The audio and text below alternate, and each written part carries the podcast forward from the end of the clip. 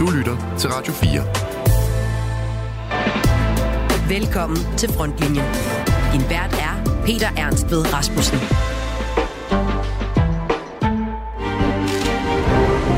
Okay, soldaterne har, har bekræftet, at de har overtaget og har styr på det. Yes! Vores forhandlere får dem til at spille mere syge, end de er. De er i virkeligheden ikke særlig syge. Det er det, der bliver udlagt som.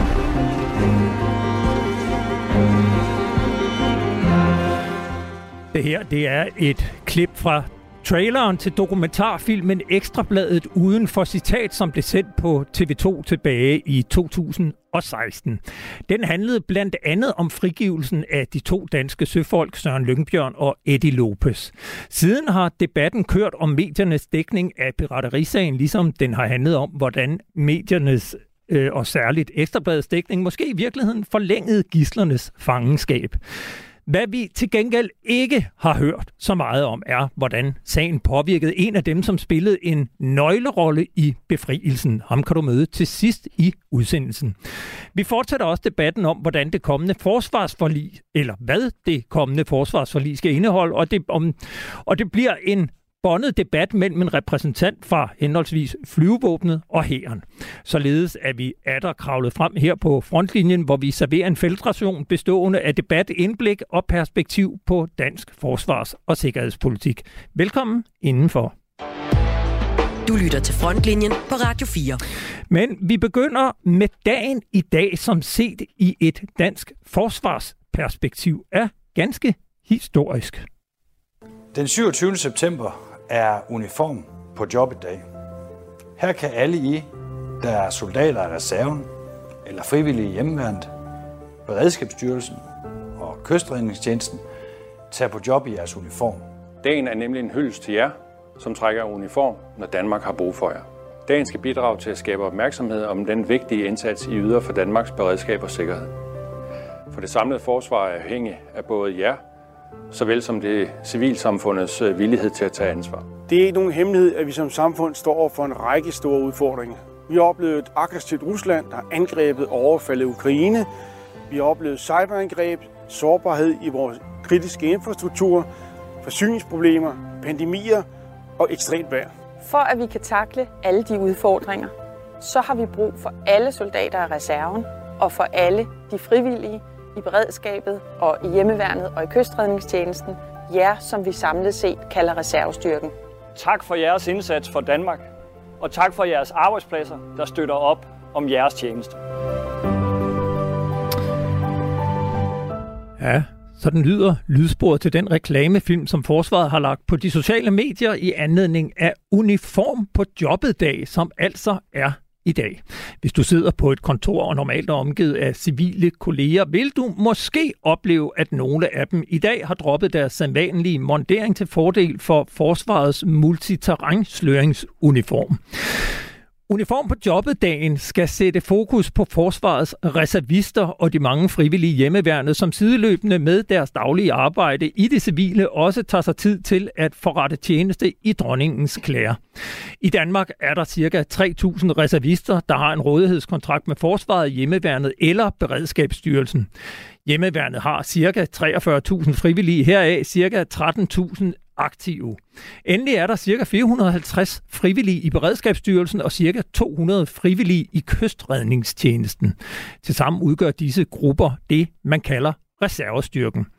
For at udbedre kendskabet til mulighederne for at være frivillig eller reservist, har forsvarsminister Truslund Poulsen sammen med de relevante myndigheder og samarbejdspartnere besluttet at indstifte dagen Uniform på jobbet dag, som altså er i dag.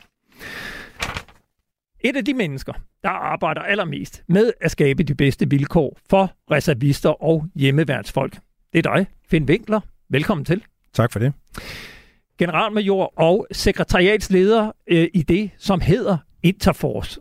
Og det kan være, at vi lige skal lægge fra land med at forklare de sagslyse lytter, hvad er Interforce for en konstruktion? Ja, Interforce er en konstruktion, der hører under forsvarschefen.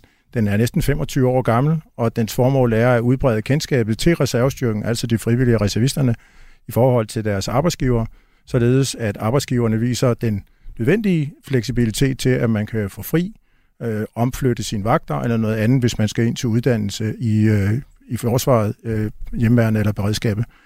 Helt op til og inklusive, at man eventuelt bliver udsendt øh, sammen med enheder til international tjeneste.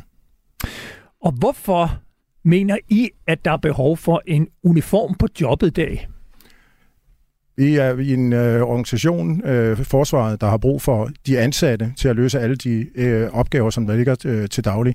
Men en gang imellem i tid og rum er der brug for ekstra hænder. Der er brug for, at stabet bliver forstærket med ekstra reserveofficerer, fra, øh, forbindelsesofficerer og andet. Hjemmeværende har brug for øh, støtte til politiet, øh, host nation support opgaverne eller noget andet. Og det betyder, at hjemmeværende, eller forsvarets og hjemmeværendets og beredskabets normale struktur en gang imellem skal øges, og det kan den gøre ved at bruge sin øh, reservestyrke.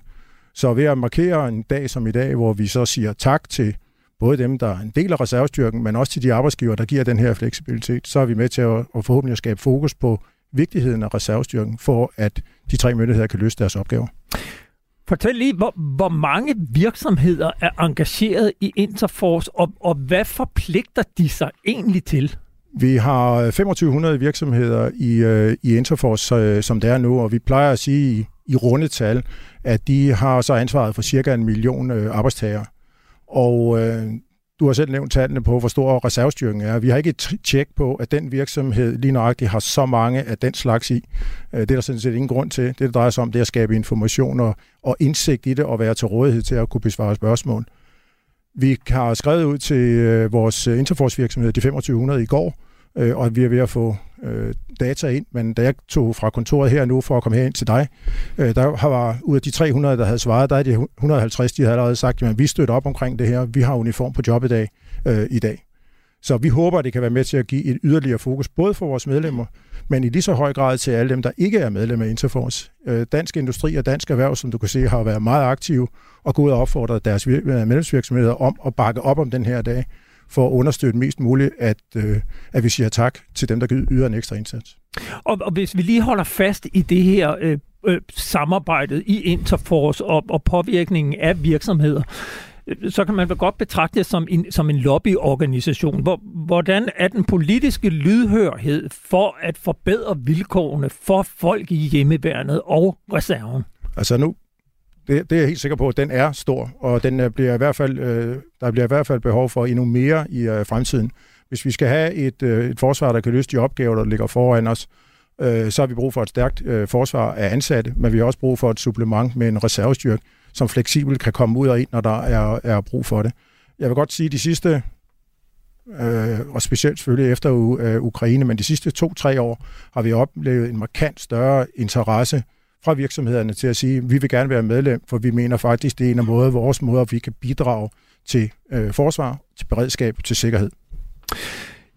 Uniform på job i dag er jo et nyt fænomen i Danmark, men ja. det er jo langt fra nyt i udlandet. Hvor kommer inspirationen fra? Den oprindelige inspiration starter for Reserve Day, som er en, en engelsk øh, tilsvarende, men de har altså nogle øvrige øh, aktiviteter udenom, men det, det er England, der har, har startet det de har det altid i øh, juni måned. Og for tre henholdsvis fire år siden, der startede så henholdsvis Norge og Sverige med deres uniform på jobbet dag. Øh, og det er for Norges vedkommende den 9.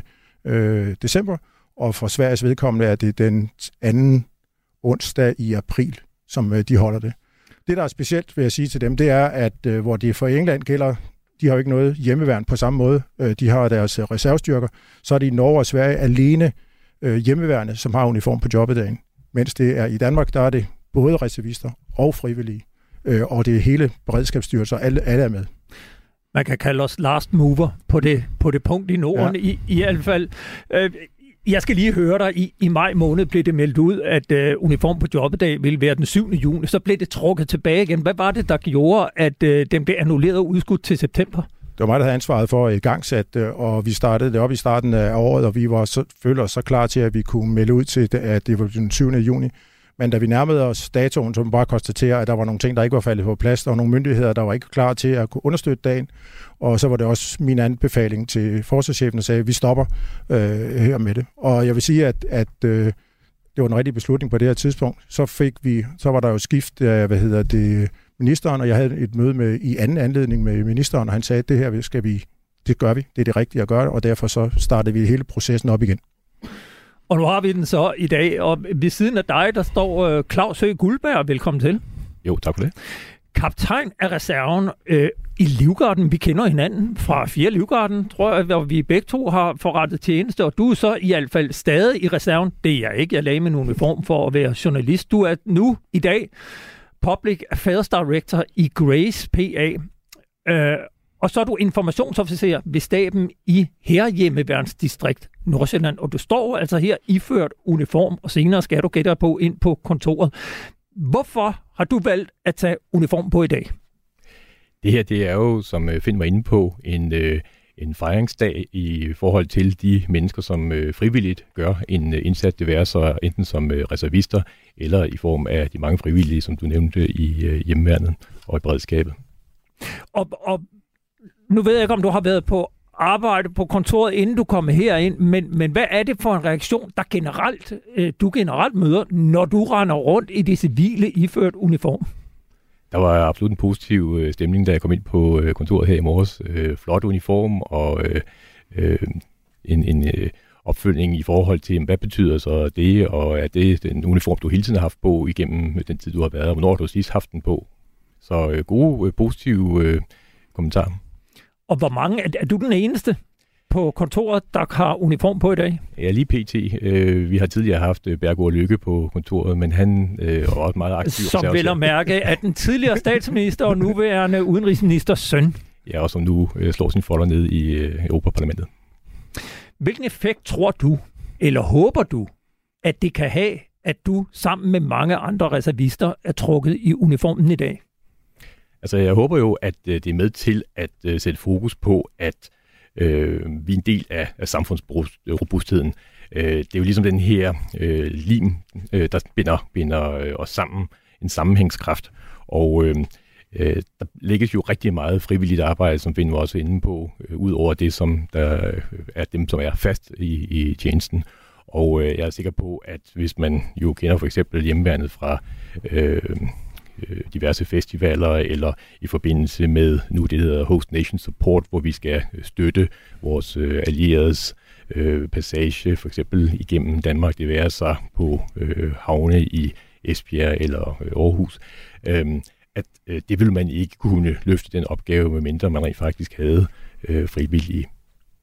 Hvor mange dage eller timer om året bruger du på i, i reserven? Det er jo det rigtig positive, den model, som vi, vi har.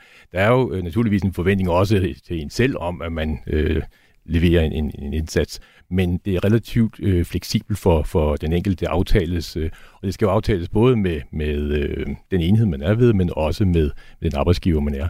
Så øh, for mit vedkommende, der har jeg en klar øh, aftale om, at øh, lige nu, nu er jeg jo så trådt ud af øh, efter 25 år i statens tjeneste her sidste år. Du var der, blandt andet ansat i Forsvarsministeriet. Ja, det er korrekt. Øhm, og der har jeg den der aftale og forståelse om, at øh, nu skal jeg øh, give den skalle nu her i forhold til mit øh, nye øh, private job. Øhm, og det vil sige, at øh, nu for eksempel er det næste uge, øh, jeg tror det er 4. oktober om aftenen, der har vi noget statsuddannelse, så deltager jeg i det. Så det kan temperes, og det er jo sådan set en af de der store fordele, der, der ligger i det.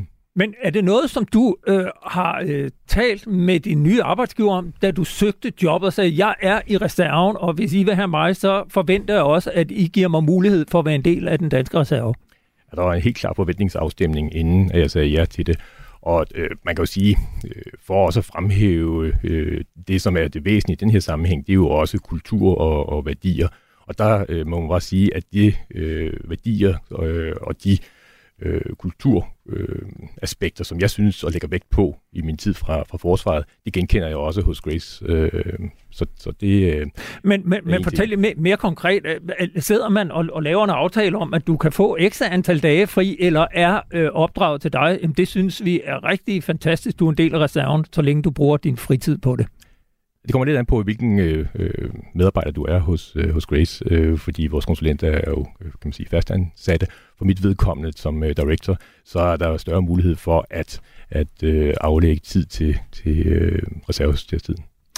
Og Finn Winkler, nu hører vi Claus Guldberg, som, som er i et civilt job og skal få det til at passe sammen. Altså prioritere både at have sit øh, civile arbejde, men også være en del af reserven.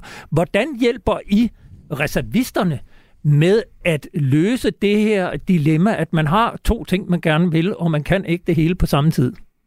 Uh, information, information og information i forhold til det. Claus er jo et glimrende eksempel på, at han har en øh, type job, hvor, hvor han kan passe det ind, og så lave en aftale, øh, når der er brug for det.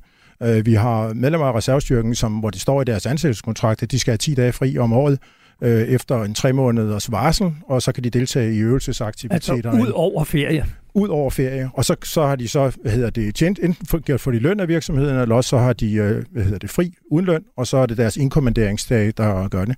Andre øh, skal bruge deres øh, fritid, øh, deres ferie, deres afspacering eller noget andet.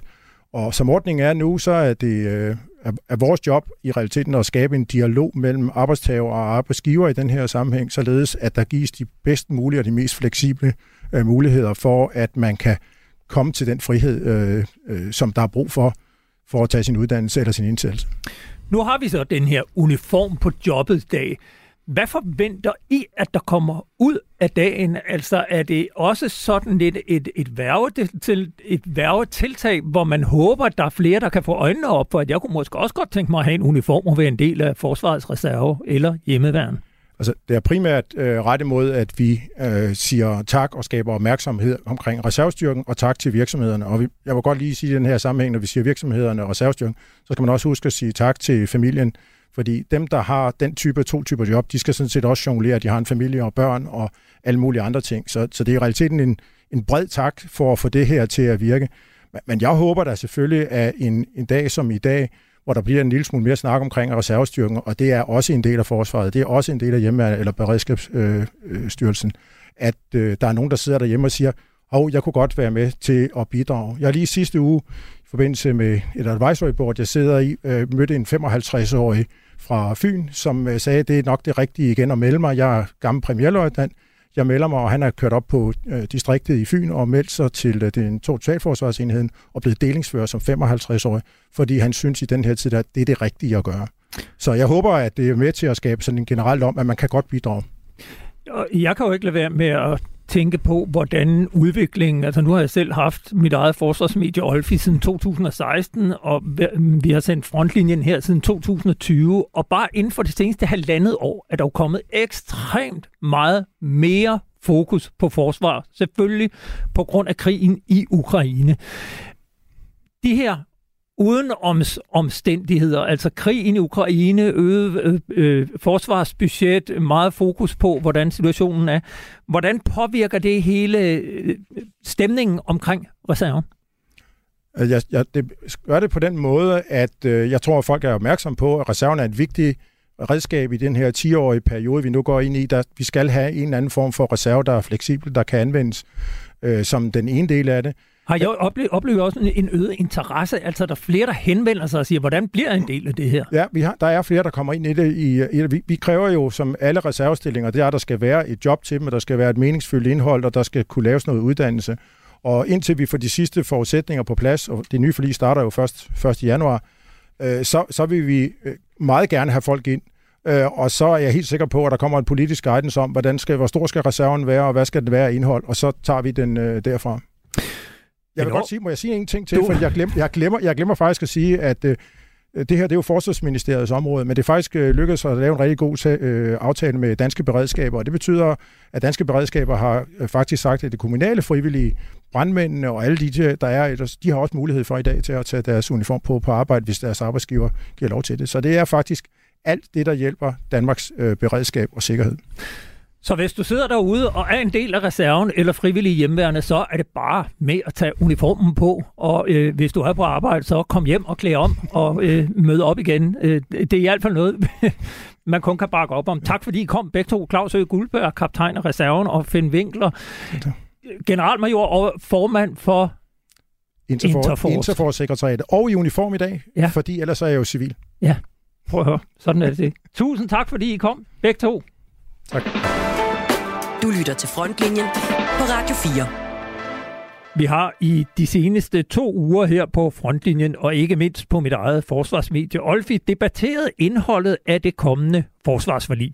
I juni indgik et meget enigt folketing med hele 10 partier et såkaldt rammeforlig, som tilfører ekstra 143 milliarder kroner til forsvaret over de kommende 10 år. Det vil i 2030 bringe forsvarsbudgettet op på 2% af BNP, som vil lovede NATO helt tilbage i 2014. Men hvad skal pengene bruges til? Det er der straks langt større uenighed om, i hvert fald internt i forsvaret. Forsvarskommandoens militærfaglige oplæg til politikerne blev til i den såkaldte Kastelsproces, fordi møderne primært blev afholdt på Kastellet i København og afleveret til Forsvarsministeriet i november. Af forlisoplægget fremgår det, at flyvevåbnet ser ud til at blive den store vinder med flere F-35 kampfly, nye overvågningsfly af typen P-8 Poseidon, missilforsvar og luftforsvar, mens hæren må kigge langt efter flere kampvogne og infanterikampkøretøjer. Og hvad vil det så betyde for hæren? Det korte svar er, at så får vi hverken en øh, tung eller en medium infanteribrigade. Og så må vi jo afhængig af situationen på det tidspunkt meddele NATO, at vi ikke har til hensigt at opfylde det styrkemål, hvis det ikke er blevet ændret. Det lidt længere og lidt mere sådan herspecifikke svar, det er jo, at vi får en helt anden type brigade, og sandsynligvis vil få nogle operative begrænsninger, især på det offensive område.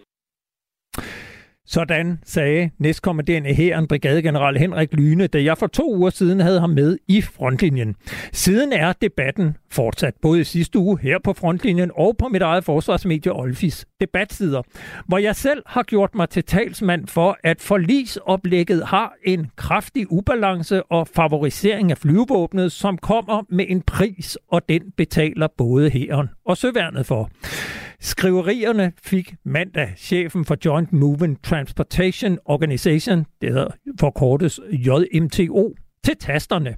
Han hedder Jakob Barfod og er oberst i flyvevåbnet, og i et debatindlæg, i et debatindlæg skrev han, at citat, kritikken er både et udtryk for misinformation og for snævert synet værns silotænkning uden blik for joint og multidomæne operationer.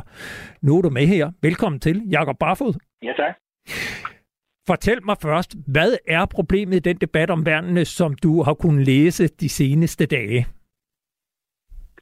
Jamen, der er, øh, der er flere problemer. Det ene problem, øh, det er det her med at, at betegne øh, luftværn øh, til brigaden og P8 maritime overvågningsfly som noget, der vil sige, til, til gode flyvåbnet og flyvåbnets kerneopgaver. Det gør de ikke. Øh, det er til, til støtte for, øh, for brigadens operationer med, med luftværnet, og P8 er en støtte til søværnens øh, opgave med at bekæmpe ubåde i Nordlanden.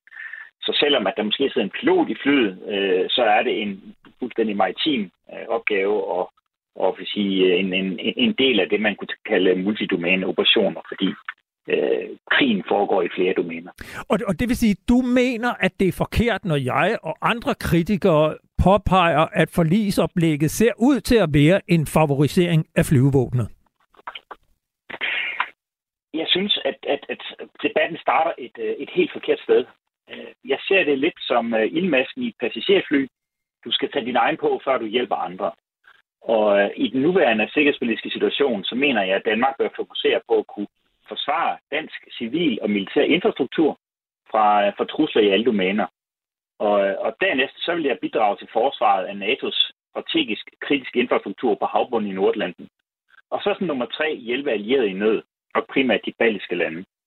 Og det er fordi, jeg mener, at forsvaret af dansk infrastruktur er en forudsætning for, at vi har viljen og evnen til at sende forstærkninger til Baltikum. Derfor kommer det først.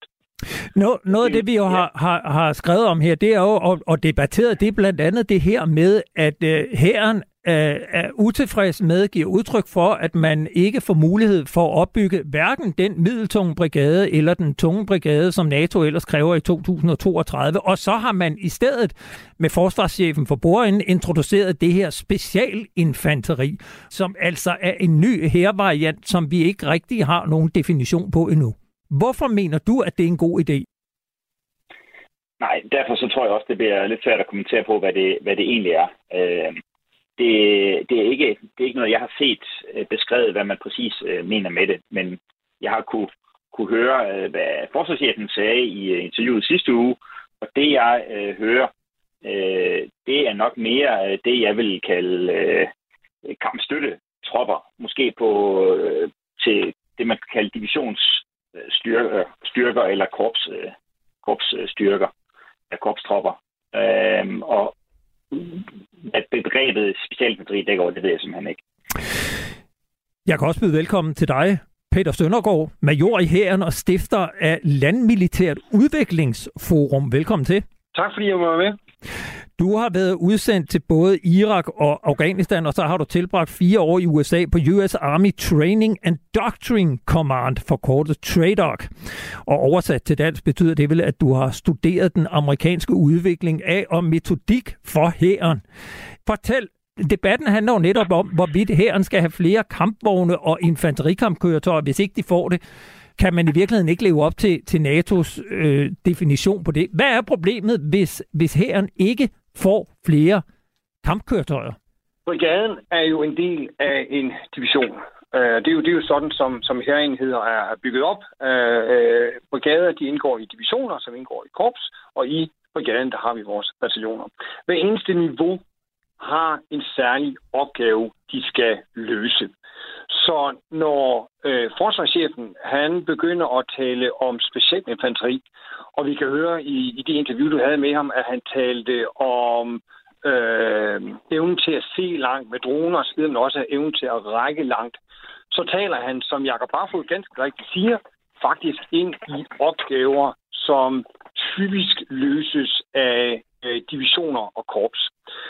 Så jeg tror, at det, som vi hører af forsvarschefen, er, at han har været ude og, øh, og, og lytte til, hvad hans kollegaer har, har talt om ude i verden omkring den moderne kampplads, og det vi ser i Ukraine, og deres analyse af, hvordan ser fremtidens kampplads så ud.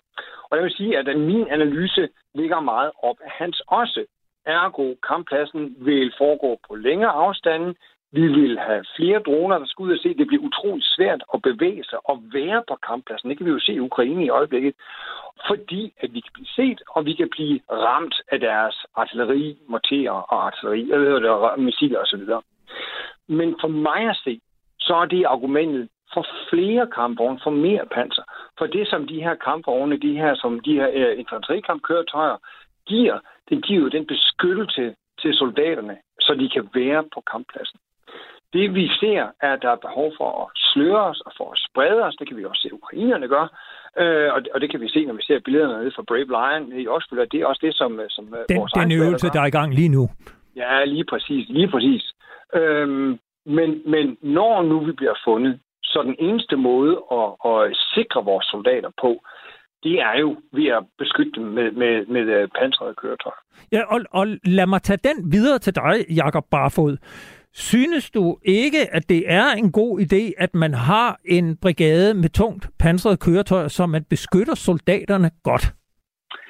Jo, men det, er jo, det har jo altid været en diskussion, hvor man øh, vejer pansring og ildkraft op mod mobilitet. Og i sidste ende, så kommer det jo an på, øh, på kamppladsen og, og hvad, den, øh, hvad den foregår. Og, og det er jo ret svært at spå om, øh, om fremtiden og om, om kamppladsen øh, i, om, om, om 10-15 år. Så i dag der har vi jo sådan en hybrid mellem en, en medium og en tung infanteribrigade, fordi vi har øh, lidt over kampvogn, øh, og det er der ikke normalt i en mediumbrigade. Selvom det ikke er en standardbrigade, så har den jo væsentligt mere direkte ildkraft end en standard medium. Og den er væsentligt mere mobil end en tung, fordi den har piranha. Så det, det kan det nogle fleksible indsættelsesmuligheder, som kan være en fordel for en lille her i en verden, som hastigt forandrer sig. Men hvis den skulle indsættes i morgen i Ukraine, så vil jeg da klart foretrække en, øh, en tung infanteribrigade. Men den skal ikke indsættes i morgen. Den skal opbygges over de næste 10 år. Og der savner jeg måske, at, at herren fokuserer mere på de kampstøtte og støttetropper i brigaden, som i dag er massivt underbemandet og som mangler det meste af deres materiel. Altså, så for eksempel hvis vi kigger på Ukraine, så vil man jo nok pege på, som Peter også siger, at, at for eksempel panseringeniørmateriel, herunder minerydning, luftværn, øh, ISR og præcisionsartilleri nok Og, og ISR, det skal du lige forklare for, for, for de sagsløse lyttere. Ja, det er øh, efterretning, både droner i luften og på jorden, og elektronisk øh, efterretning osv. Og det vil jeg nok prioritere endnu højere, altså endnu mere end det, der allerede er planlagt, før jeg øh, bede om flere IKK og flere kampvogne. Altså en, infanterikampkøretøjer? Ja, infanterikampkøretøjer. Så det er et spørgsmål om, synes jeg, at, øh, at få, få styr på, på kampstøtte og, øh, og støttetropperne. Støttetropperne, det, det er også det, vi kalder logistiktropper blandt andet. Og, og der, der, der mangler brigaden altså virkelig, virkelig meget. Og uden taktisk logistik, så har man jo ingenting efter dag to. Men, men øhm. så, så lad mig lige spørge dig, Peter Søndergaard, som jo må være en af øh, Danmarks fremmeste eksperter ud i øh, hæren.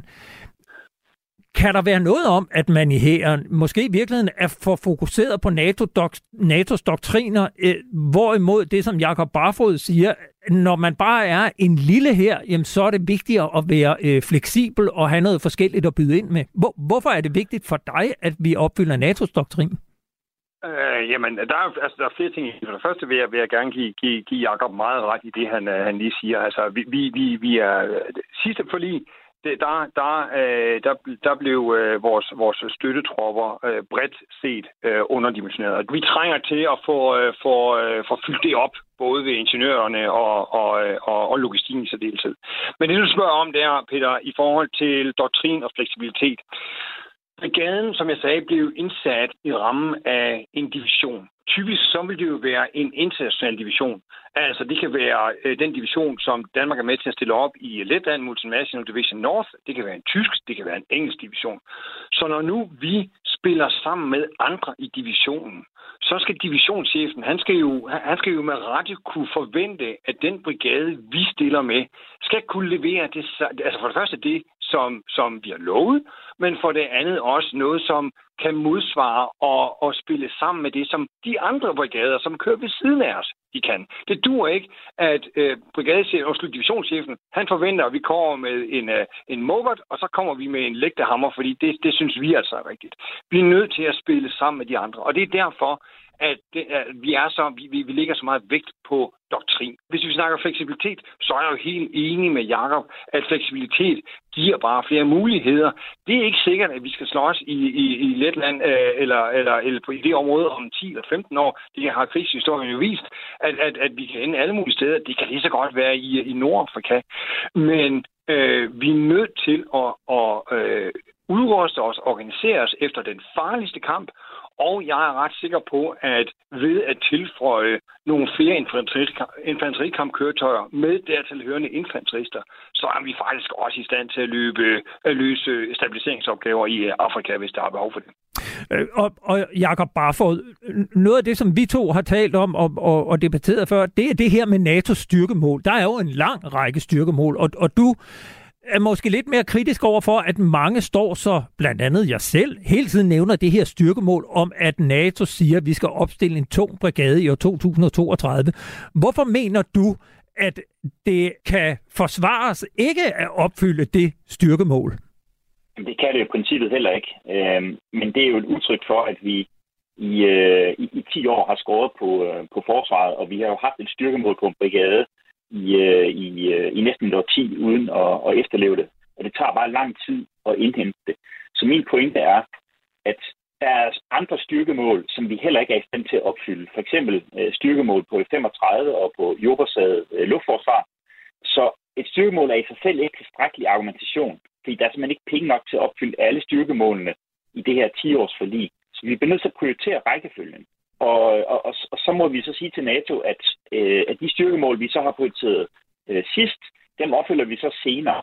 Og her mener jeg som sagt, at vi skal til ildmassen øh, på selv først, altså kunne forsvare Danmark og kongeriget. Og også fordi, at der er så store mangler i vores øh, medium-hybrid-brigade, øh, at, at dem er vi nødt til at få opfyldt først, altså kampstøtte og støttetropperne, før vi begynder at tilføje flere kampenheder med, med infanterikampkøretøjer. Det er min argumentation der er jo også hele det her spørgsmål om, hvordan vi så skal bemande de enheder, vi vælger at opbygge. Ser du en udfordring i rent mandskabsmæssigt, hvis man går fra det, vi har nu planlagt en middeltung brigade, til en øh, tung brigade? Nej, egentlig ikke, fordi øh, i og for sig, så altså, hvis man udskifter piranjerne med, med infanterikampkøretøjer, så skal det faktisk, som jeg forstår det, øh, bruge lidt færre infanterister. Øh, der skal måske bruges nogle flere mekanikere til at holde dem kørende, så det kan godt være, at det kommer går lige op i sidste ende. Jeg synes, der er et vigtigere spørgsmål end en, øh, en, en, en, en, en bemanding af en tung versus en medium. Det er faktisk øh, overvejelserne omkring redskabet. Jeg mener, at vi skal opbygge en her, som kan understøtte, at Danmark kontinuerligt kan have en enhed på højt beredskab. For eksempel øh, 20 dages varsel til deployering til Baltikum. For ellers vil den ikke blive regnet med i de russiske overvejelser af, om de kan indtage de baltiske lande i lynangreb. Og det er lige præcis sådan et fait accompli, som NATO gerne vil undgå. Altså vores primære mål, det er at afskrække Rusland fra at starte en krig. Og det er fordi, det, det her med at true Rusland med, at vi, vi generober bare Baltikum, det er langt, langt mindre troværdigt for NATO. Både fordi angreb kræver langt flere styrker, fordi en, en generobringsstrategi, den er politisk sårbar, når vi øh, er en alliance, hvor alle skal være enige, og der er måske nogle lande, der synes, det der med at, at skulle starte en generobringskrig, det, det er da vist ret farligt. Og så også fordi den er politisk uacceptabel i de baltiske lande. De vil ikke besættes og så befries. I kan jo se i Ukraine med de russiske krigsforbrydelser i de besatte områder, at det er ikke noget, der er særlig attraktivt. Så, så vi skal afskrække, og det kræver, at vi kan sende den over på et kort varsel. Så hvordan kan vi opbygge en enhed, øh, en herenhed, som kan det? Det vil være spændende at spørge Peter Ja, og det kan vi jo passende gøre. Hvad er dit svar på det, Peter Søndergaard? Oha, ja. Øh, det der, det er jo øh, den gordiske knude, som, som alle, der kan se på et kort, øh, kan se er, er svær at løse. Øhm, altså, øh, Jacob og jeg har diskuteret det her flere gange tidligere også, og jeg tror faktisk, de er meget enige om, at øh, det der med at få, få brigaden over, uanset om den er tung, eller en middeltung, eller en hybrid, bliver et problem.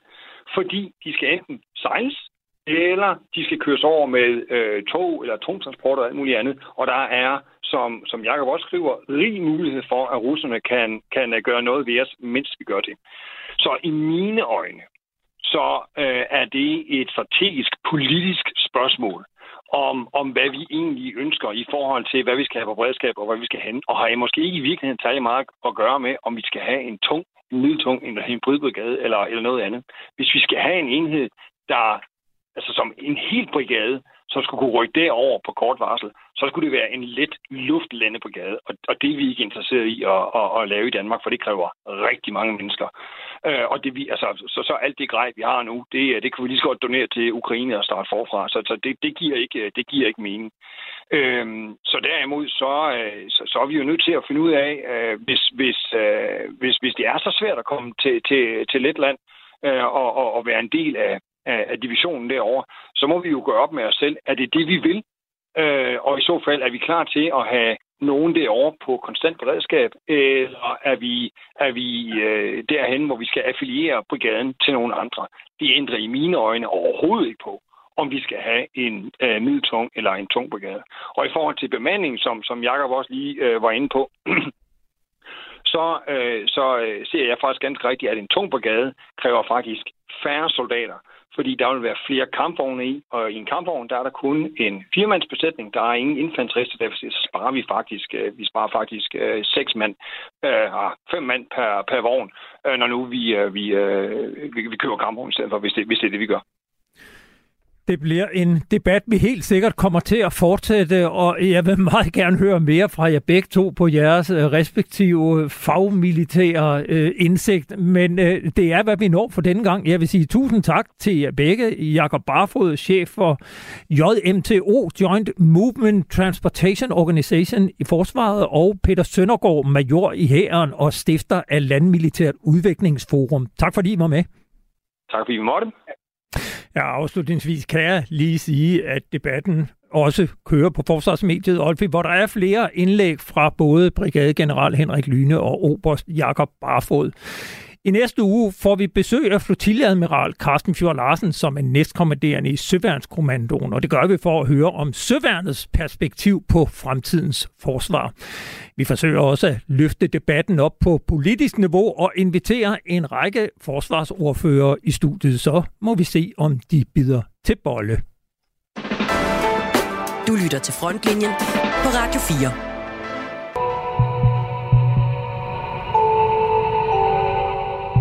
Tror du på det, Nasib, i dag? Okay. Okay. Han, han ringer. Men lige nu er gidslerne alene med en, med en øh, somalisk journalist, og piraterne har trukket sig. Nasib, Nasib. Var det det? Nej, Nasib. Er de overført? Så, ind. Yes. Han, han ringer. Men lige nu er gidslerne alene med en, med en øh, somalisk journalist, og piraterne har trukket sig. Nej, men danskerne er inden for synsvidt af den. Inden for synsvidt. Det, det siger øh, Nasib. På stranden dernede i Hobro. Nej, nej, nej, altså på stranden. Ja. Den skal hedde, de danske gidsler bliver netop nu frigivet. Og så kører vi nu. Skal vi køre nu så? Vi kører nu.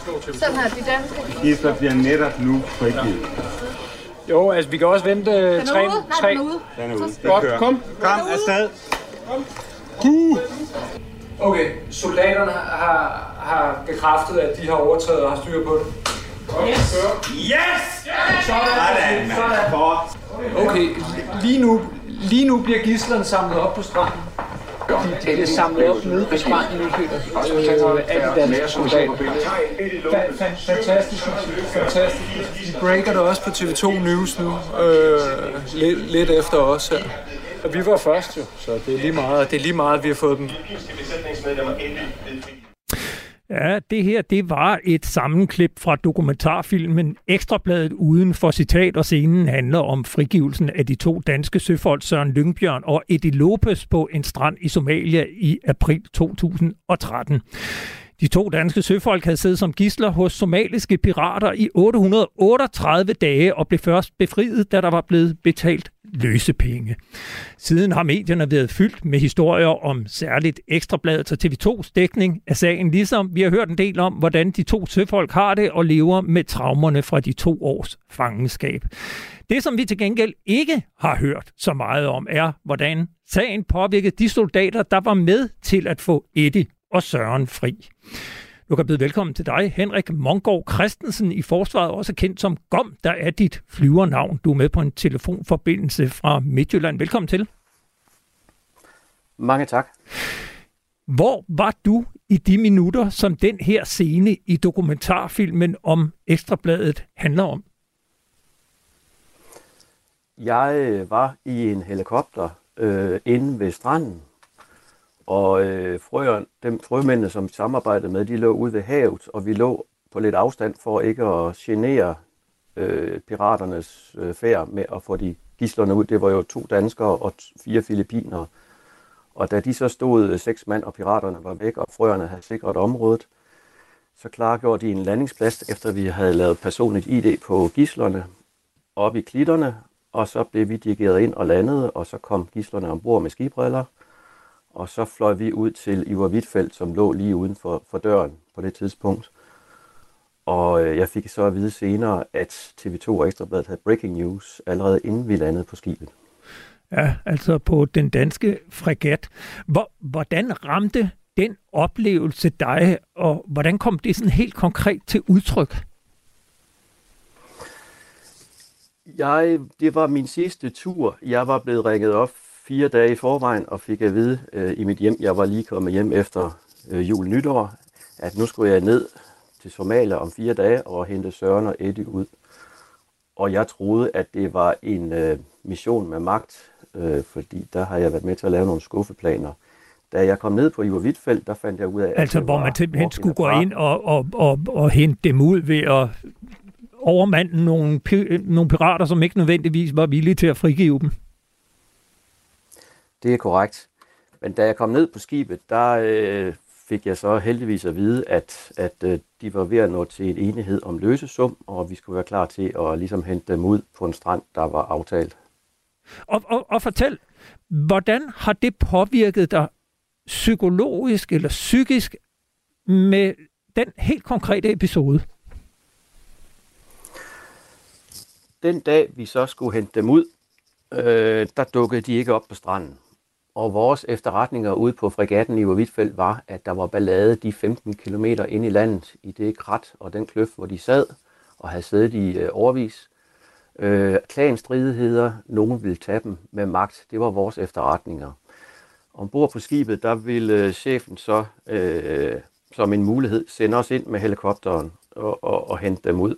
Øh, og, og der var ikke rigtig nogen andre i nærheden. Der var et EU-skib to døgn væk, og dem kunne vi heller ikke samarbejde med. Og jeg forestillede mig, at uanset hvor mange frømænd vi satte bag i helikopteren, så ville vi øh, blive taget til fange øh, uomtvisteligt. Og der, dengang jeg stod i det orum, der fik jeg knæk, og det kom øh, som et splitsekund.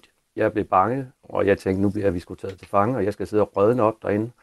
Og min lille søn derhjemme, han, øh, ja, han må så klare sig selv.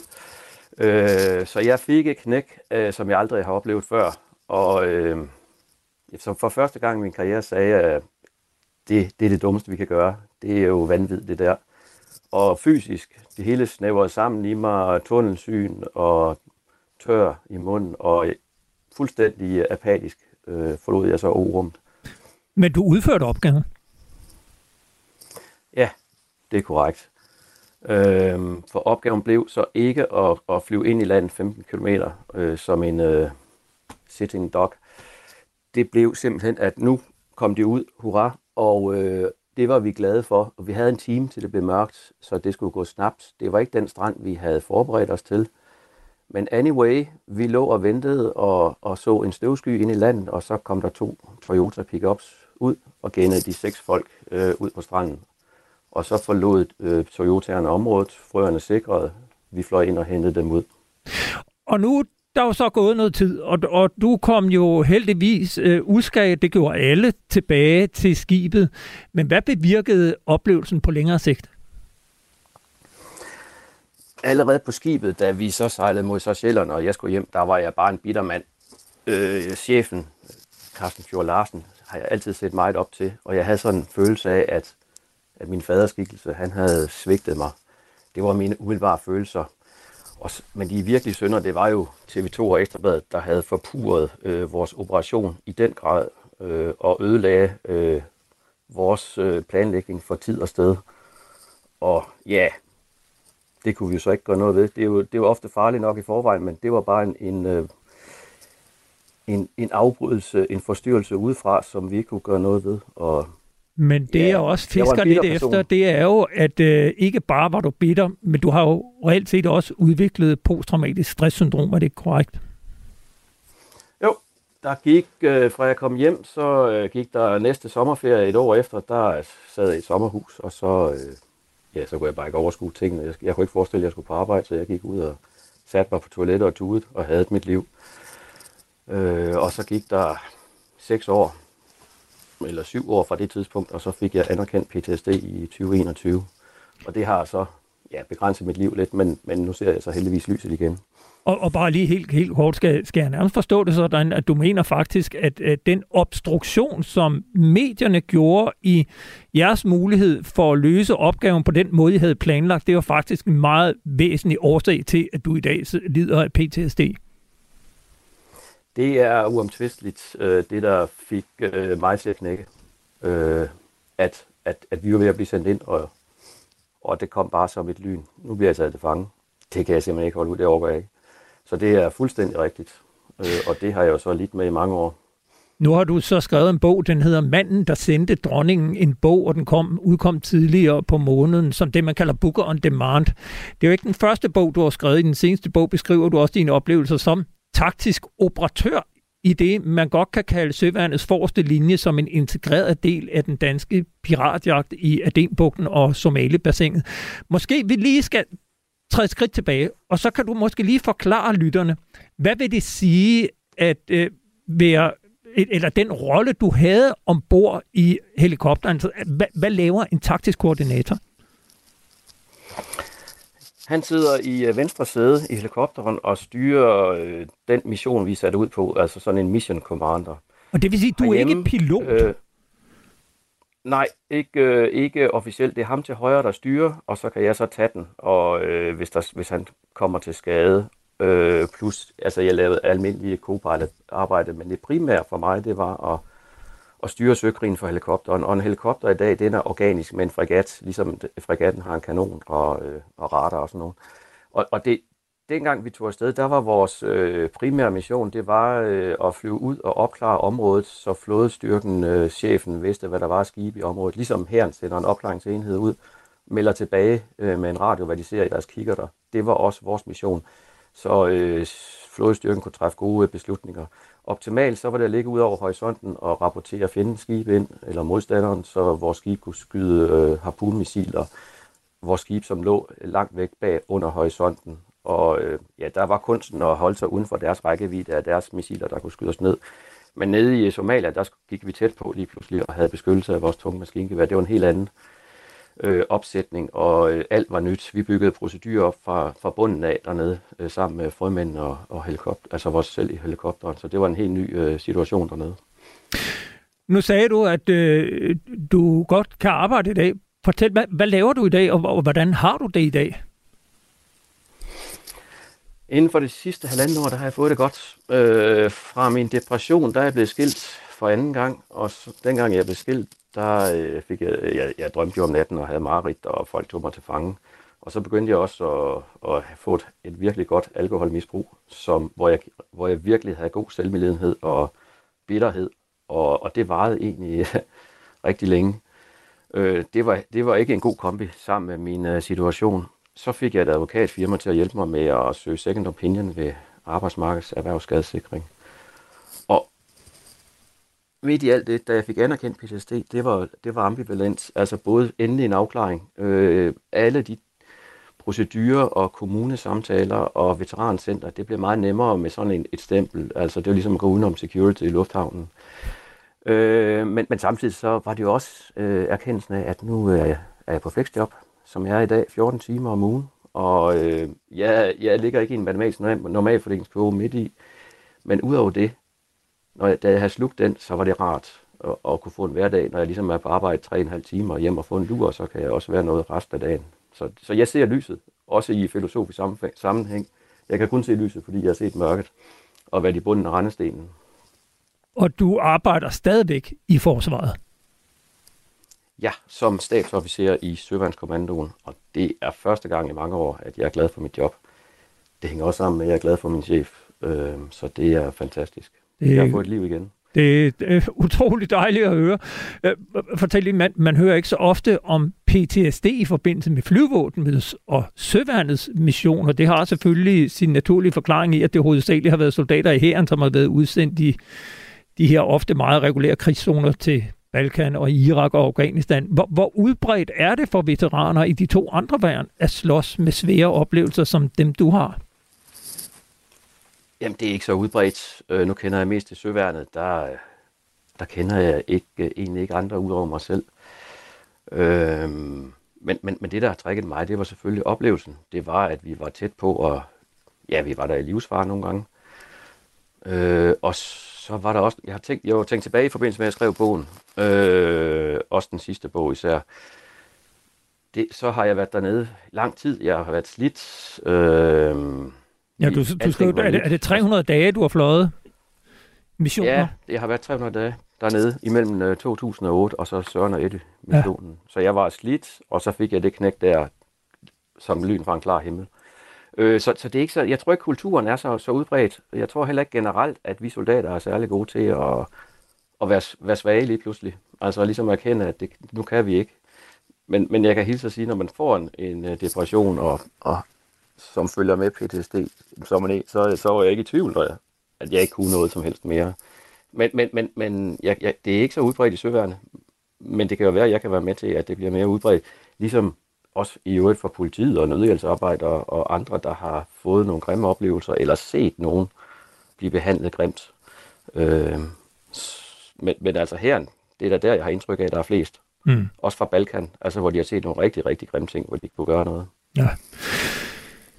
Ja, jeg vil sige tusind tak, fordi du var med, og altså hvis man får lyst til at høre mere om dine oplevelser som taktisk koordinator, så har du som tak skrevet flere bøger, og den seneste hedder Manden, der sendte dronningen en bog, og den udkom tidligere på måneden, og handler jo altså om din personlige rejse og dit liv med PTSD. Jeg vil sige tusind tak, fordi du var med, Henrik Mongård Christensen, eller bedre kendt som GOM.